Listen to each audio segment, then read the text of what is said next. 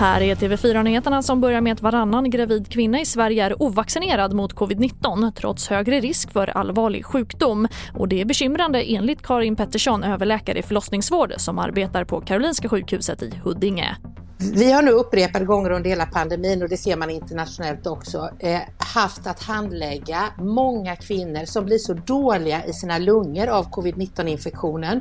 Så det enda sättet att faktiskt rädda den här kvinnans liv och få tillståndet att vända är att minska belastningen ifrån graviditeten. Och då kan det bli aktuellt att man behöver göra ett kejsarsnitt, kanske så tidigt som redan i graviditetsvecka 26-28, vilket förstås leder till stora risker för komplikationer hos det alldeles för tidigt födda barnet.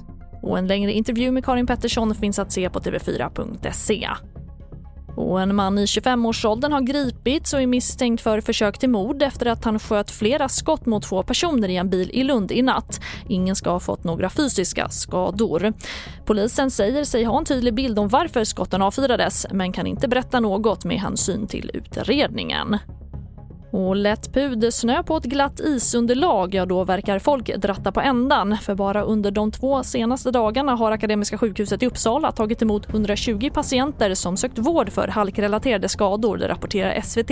Och det är främst personer mellan 45 och 65 år som söker vård för halkskador. TV4-nyheterna i studion Charlotte Hemgren.